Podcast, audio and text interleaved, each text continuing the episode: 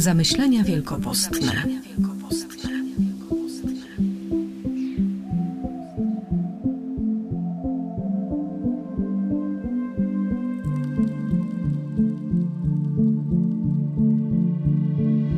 Oto przekonałem się, że na całej ziemi nie ma Boga poza Izraelem.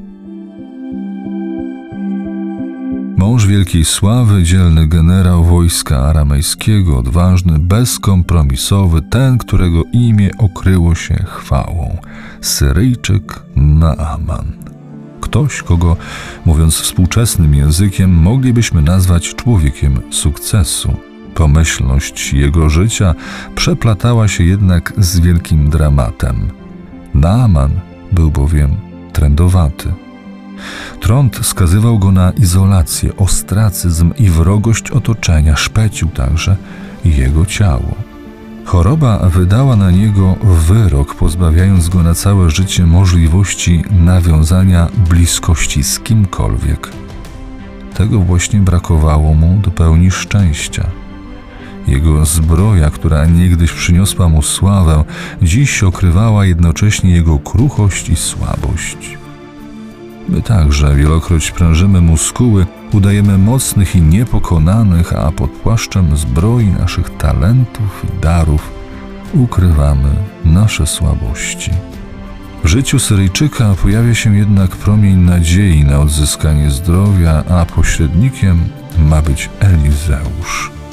Naaman, przybywając do proroka Bożego, musi zdobyć się na kolejny akt odwagi, który będzie również dla niego duchową próbą. Musi zdjąć zbroję i obmyć się siedem razy w Jordanie. Prośba wydaje mu się zbyt banalna, walczy z sobą. W końcu przystaje na nią. Staje w prawdzie o sobie, nagi, bez pancerza. Pokora przyniosła mu uzdrowienie. Nie kupił łaski za przywiezione w orszaku srebro i złoto, otrzymał ją, gdy wygrał duchową walkę z samym sobą. Oczyszczony miłosierdziem, dumny ze zwycięstwa, wypowiada słowa: Oto przekonałem się, że na całej ziemi nie ma Boga poza Izraelem. Bierzmy przykład z Naamana, który właśnie pokorą zyskał Bożą przychylność.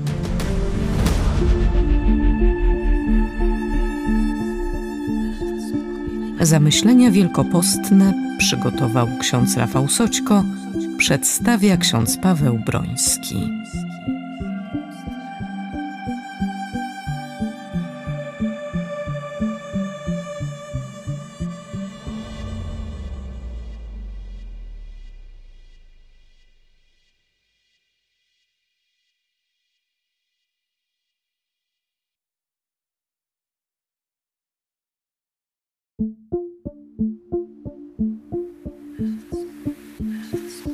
Zamyślenia wielkopostne.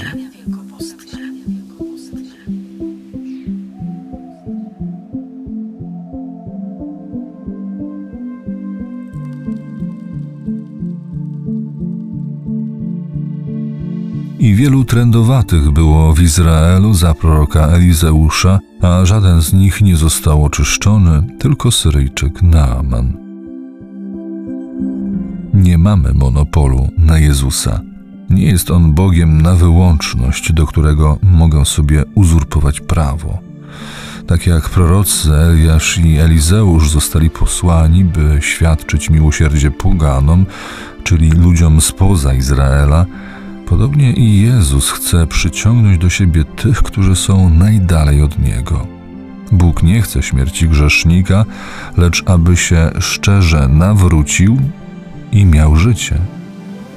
Jezus nigdy nie jest przeciwko komuś, jest zawsze po stronie człowieka, szczególnie tego, który tkwi w nędzy moralnej i duchowej. Ewangelia relacjonuje, że po słowach Jezusa o dobroci Boga względem pogan, zgromadzeni w synagodze wokół mistrza z Nazaretu porwali go, wyrzucili za miasto i chcieli strącić ze skały. Jezus natomiast w tajemniczy sposób oddalił się od nich Ten incydent powinien skłonić mnie do pytania, czy również i ja nie mam takiej pokusy, by strącić Jezusa ze skały mojego życia, kiedy na przykład nie po drodze mi jest z Jego nauką, wtedy gdy Jego słowa są dla mnie przysłowiowym kamyczkiem w bucie. Czy nie jestem zazdrosny o łaski, które w obfitości udziela innym? Czy aby zbyt chorobliwie nie odczuwam tego, że Bóg pomija mnie, a wywyższa kogoś drugiego? Jeśli tak jest, to najwyższy czas na to, aby wyzbyć się swojego błędnego myślenia i mojej zazdrości. Niech Boża troska o brata, który jest obok, stanie się okazją do tego, by uwielbiać Boga, a także impulsem, by zabiegać o doświadczenie piękna, piękna Jego miłości względem mnie.